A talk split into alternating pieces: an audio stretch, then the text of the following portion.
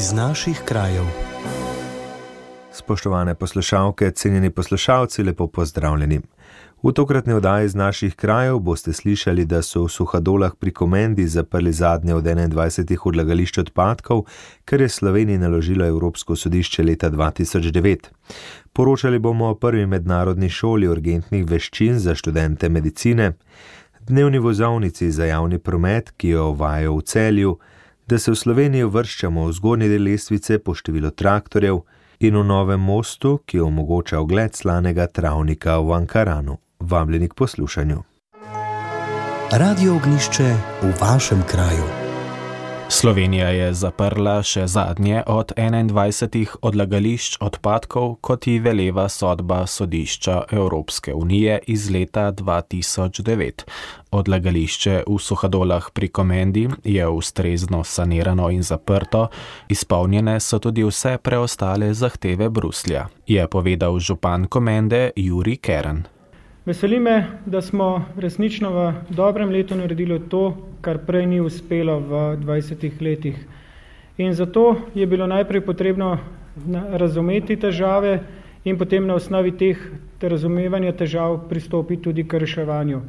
Res gre zahvala vsem, ki so našli interes in, uh, za reševanje te problematike in so aktivno delali na tem, da bo tudi zadnje 21. odlagališče v Sloveniji ustrezno sanirano in zaprto, kot nam to veleva sodba Evropskega sodišča iz leta 2009.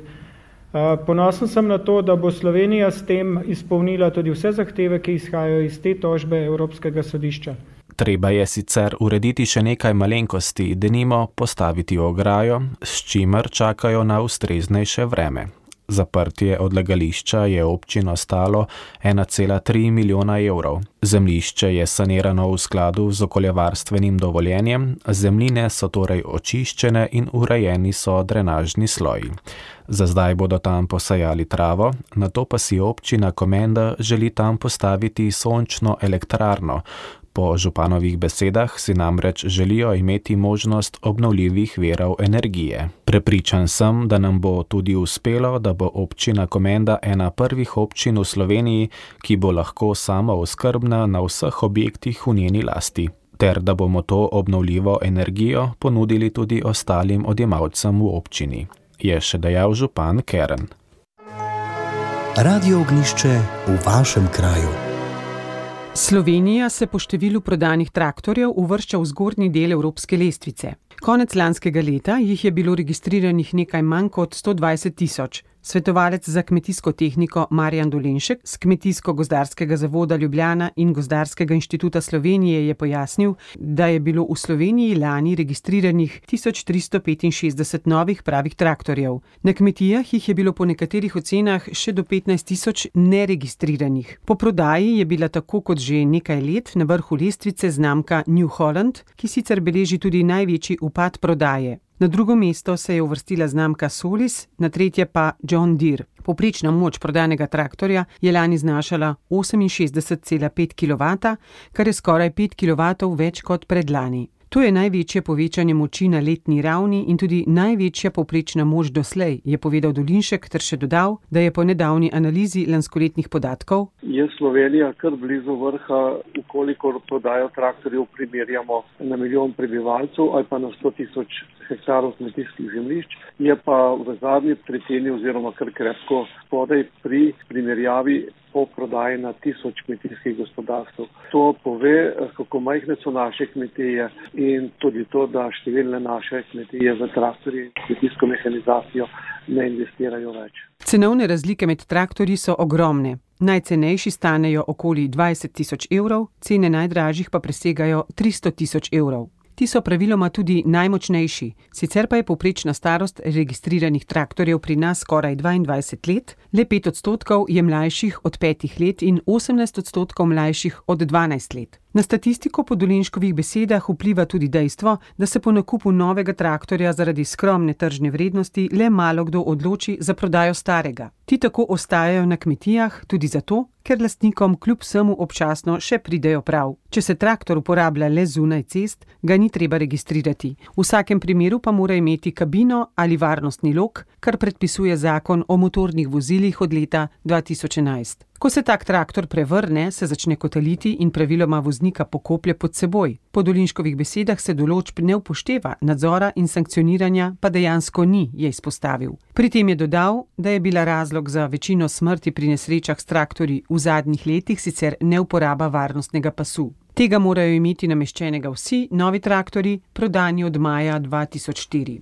Kmetom, ki izpolnjujejo vse pogoje, so za nakup traktorjev na voljo tudi subvencije. Vendar pa je njihovo pridobivanje po dolenškovih ocenah zahtevno, saj je nabor razpisov za to vrstna sredstva majhen. Kmetje so do subvencij za traktorje in tudi za drugo kmetijsko mehanizacijo in gozdansko uh, upravičeni v kar precej resnih primerih, kar je v velikem nasprotju z sicer splošnim prepričanjem v naši družbi, da vsi dobijo za nakup traktorjev in tudi drugih strojev subvencijo. Zbrali smo podatke za minulo programsko obdobje razvoja uh, podeželja, to je za leto, od leta 2007 do leta 2013 in pokazalo se je, da je bilo iz javnih sredstev sofinancirano samo 13,8% kupljenih novih traktorjev.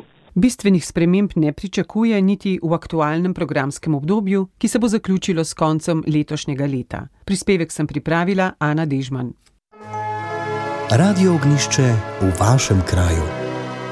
Celjski mestni svetniki so na nedavni seji potrdili cenik za izvajanje javnih linijskih prevozov v mestnem prometu Celebus.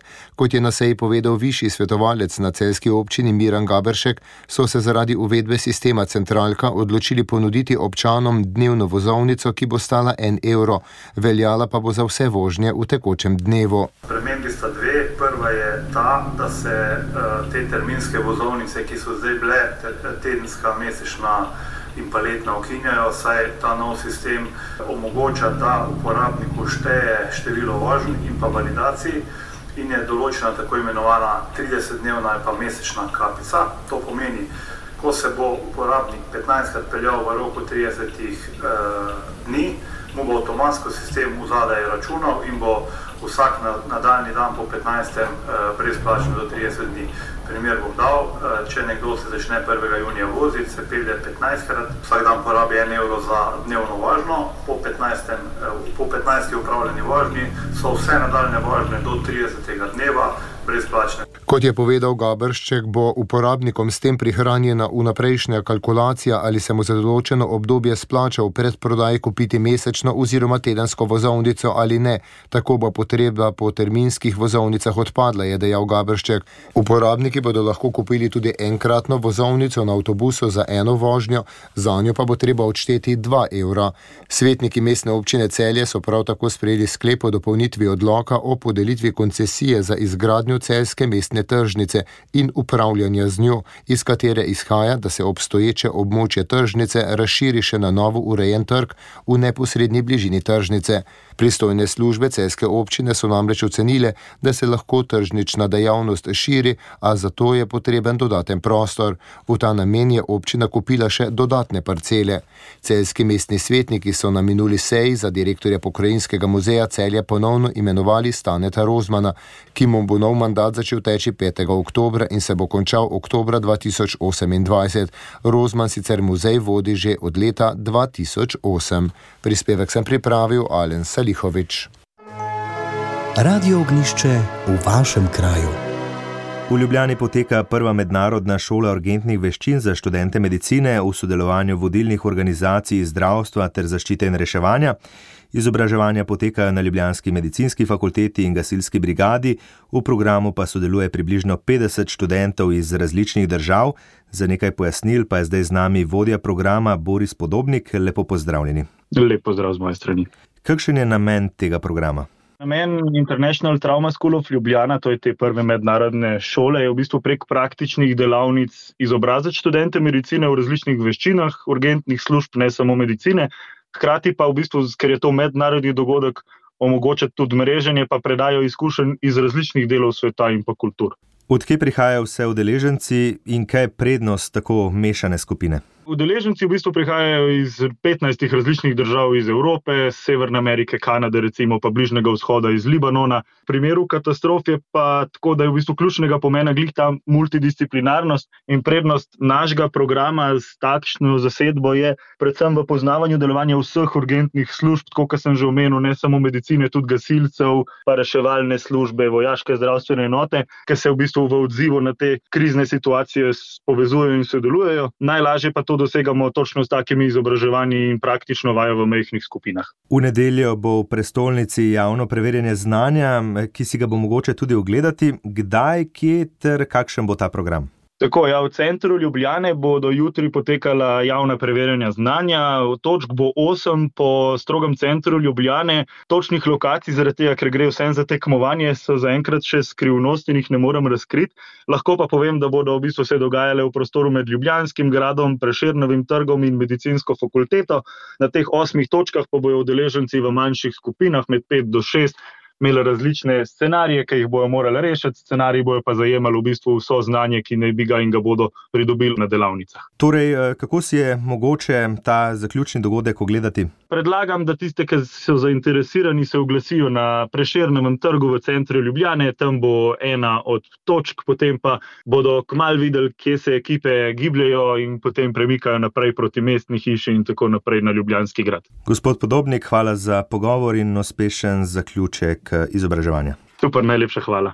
V Društvu študentov medicine želijo z omenjenim javnim dogodkom javnost opozoriti na pomen poznavanja urgentnih veščin in sodelovanja med različnimi partnerskimi organizacijami, zato vabljeni, da se jim jutri pridružite. Pogovor sem pripravil Andrej Šinko. Radio ognišče v vašem kraju. Od središča Ankarana do športno-rekreacijskega parka Sveta Katarina se je ponovem mogoče sprehoditi ob obali po novem mostovžu. Ta omogoča prečkanje območja slanega travnika. Projekt je vreden 560 tisoč evrov, od tega je 25 tisoč evropskih sredstev. Edini sredozemski slani travnik v Sloveniji je zaščiteno območje Nature 2000.